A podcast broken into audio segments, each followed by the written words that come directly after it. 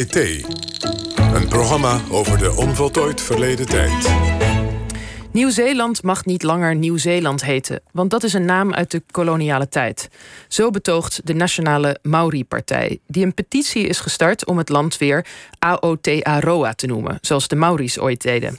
Is deze terugkeer naar de oorspronkelijke landsnaam een teken van deze tijd? En hoe zit het ook alweer met de naam Nieuw-Zeeland in de Nederlandse oorsprong? We spreken hierover met Toon van Mijl, hoogleraar culturele antropologie, gespecialiseerd in de Nieuw-Zeelandse Maori. Goedemorgen, welkom. Goedemorgen. Ja, welkom. Uh, waarom vindt de Maori-partij het zo belangrijk om de landsnaam te veranderen in een oorspronkelijke naam? Nou, ze willen graag de eigen naam van hun eigen land terug. Nieuw-Zeeland is natuurlijk een naam die daaraan gegeven is door een bevolkingsgroep die het land gekoloniseerd heeft.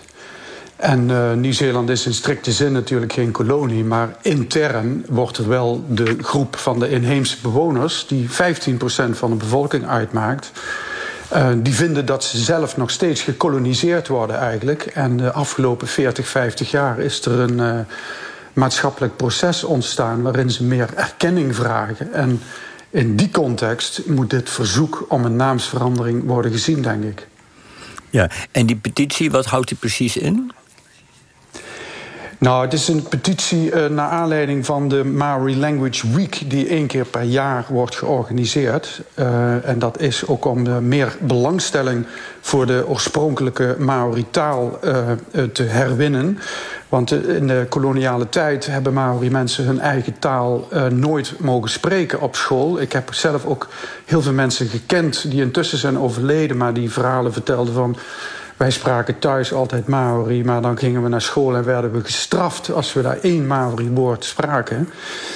En uh, de, de, afgelopen 40 jaar is er veel veranderd. Is Maori-taal heeft een um, uh, wettelijk erkende status gekregen. Er wordt nu ook onderwijs in de Maori-taal gegeven. Uh, het is Maori-televisies, Maori-radio. En één keer per jaar is er een week. En naar aanleiding van deze week heeft één parlementslid van een hele kleine partij, die politiek weinig invloed hebben, maar symbolisch wel van groot belang zijn, hebben deze, zijn deze petitie gestart. Ja, en, en de naam die ze gekozen hebben, mijn collega's uh, die noemden die naam al, ik waag me daar niet aan. Uh, waar komt die vandaan? En, en dekt die, is dat een goede naam? Dekt dat de lading? Uh, het is uh, Aotearoa. Je mag dat gewoon op zijn Nederlands uitspreken, zou ik zeggen.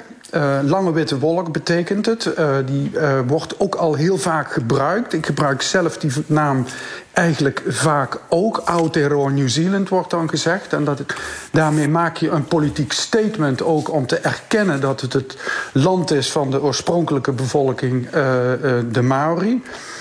Um, maar het is wel een postkoloniale naam in, in die zin dat het pas de, gedurende de afgelopen decennia gebruikt wordt als aanduiding van heel Nieuw-Zeeland, wat bestaat uit meer dan één eiland. Oorspronkelijk was Aotearoa de naam voor het Noordereiland.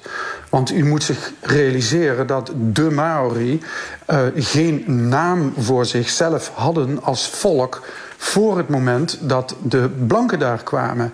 Toen waren het uh, verschillende tribale groepen die in verschillende regio's van het gebied woonden, die daar ook op verschillende momenten zijn gearriveerd uit Oost-Polynesië. En pas op het moment dat het gekoloniseerd werd, zijn die groepen zich gaan realiseren: wij hebben wat met elkaar gemeen. Wij lijken allemaal op elkaar. Wij, wij kunnen met elkaar communiceren. En met die Engelsen kunnen we niet communiceren. En toen is die naam Maori pas ook ontstaan. Dat betekent eigenlijk gewone mensen. Maori, Tangata Maori betekent gewone mensen.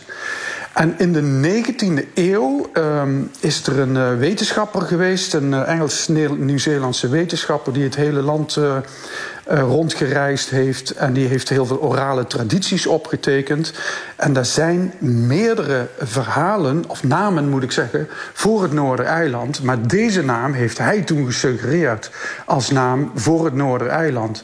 En in de loop der jaren is die steeds vaker gebruikt uh, om, ter aanduiding van Nieuw-Zeeland als geheel. Terwijl er voor het zuidereiland, wat qua landmassa net zo groot is, alleen wonen daar veel minder mensen. Ehm, het bestaat een andere naam. Dus onder de Maori zelf zal de naam Aotearoa wel een tikkeltje controversieel zijn, vermoed ik. Is er, is er geen alternatief? Er is niet één, één naam? Of kunnen ze er nog de naam voor het Zuidereiland achteraan plakken? Of iets dergelijks? Is er niet iets wat geheel nou, inclusief is? Een aantal jaren geleden, in 2013, is voor het eerst officieel erkend uh, de Maori-namen voor het Noordereiland en voor het Zuidereiland. Uh, en de Nieuw-Zeelanders hadden, de Maori hadden eigenlijk geen naam voor Nieuw-Zeeland als geheel. Uh, eh, 85% van de bevolking, of misschien wel 90%, woont op het Noordereiland. Dus op veel kaarten wordt ook het Noordereiland alleen getekend. En er is geen, geen Maori-naam voor Nieuw-Zeeland als geheel. Die is er niet. Um, ik, ik, denk wel dat er uiteindelijk consensus zal ontstaan over dit uh, woord. Mm -hmm. uh, maar het zal ook altijd controversieel blijven. Ja. En dat, dat hoort een beetje bij de Maori-samenleving. Ja, heel even nog, de, die, die naam Nieuw-Zeeland, dat klinkt erg Nederlands. Um, hoe, komt dat, hoe, hoe, hoe komen ze daar ook weer eens aan? Ja, dat heeft ook een Nederlandse oorsprong. Want het was uh, Abel Tasman die in 1642 Nieuw-Zeeland uh, voor het eerst uh, in zijn blikveld heeft gehad. Hij heeft er nooit voet aan wal gezet, maar hij heeft het wel getekend. Hij heeft het toen Statenland genoemd. Hij kwam zelf uit uh, Lutjegast in uh, Groningen. Maar, uh, Nieuw Lutjegast, dat was toch veel mooier geweest? Sorry. Dat, dat, dat was veel mooier ja. Nee, dat, dat, ben ik zonder meer met u eens. Um, maar Statenland was ook al omstreden... en is een of andere cartograaf geweest... van wie de naam onbekend is... die het op eigen gezag heeft aangepast tot Zeelandia Nova... En op het moment dat uh, kapitein Cook uh, daar kwam, uh, meer dan 100 jaar later, heeft hij dat overgenomen. En dat is Nieuw-Zeeland geworden en Nieuw-Zeeland in het Nederlands. Ja. dus, dus, het heeft het Nederlandse oorsprong. En er is nooit, en, en, dankzij kapitein Cook is het dat dus eigenlijk de gangbare naam geworden. Want daarna is er nooit geen discussie van betekenis meer geweest tot de afgelopen pak een beetje 20, 30 jaar.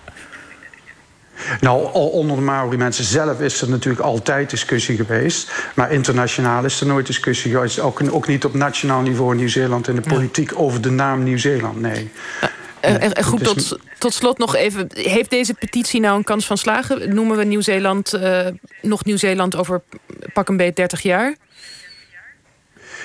Um, kijk, of de petitie nu direct succes zal hebben, dat betwijfel ik.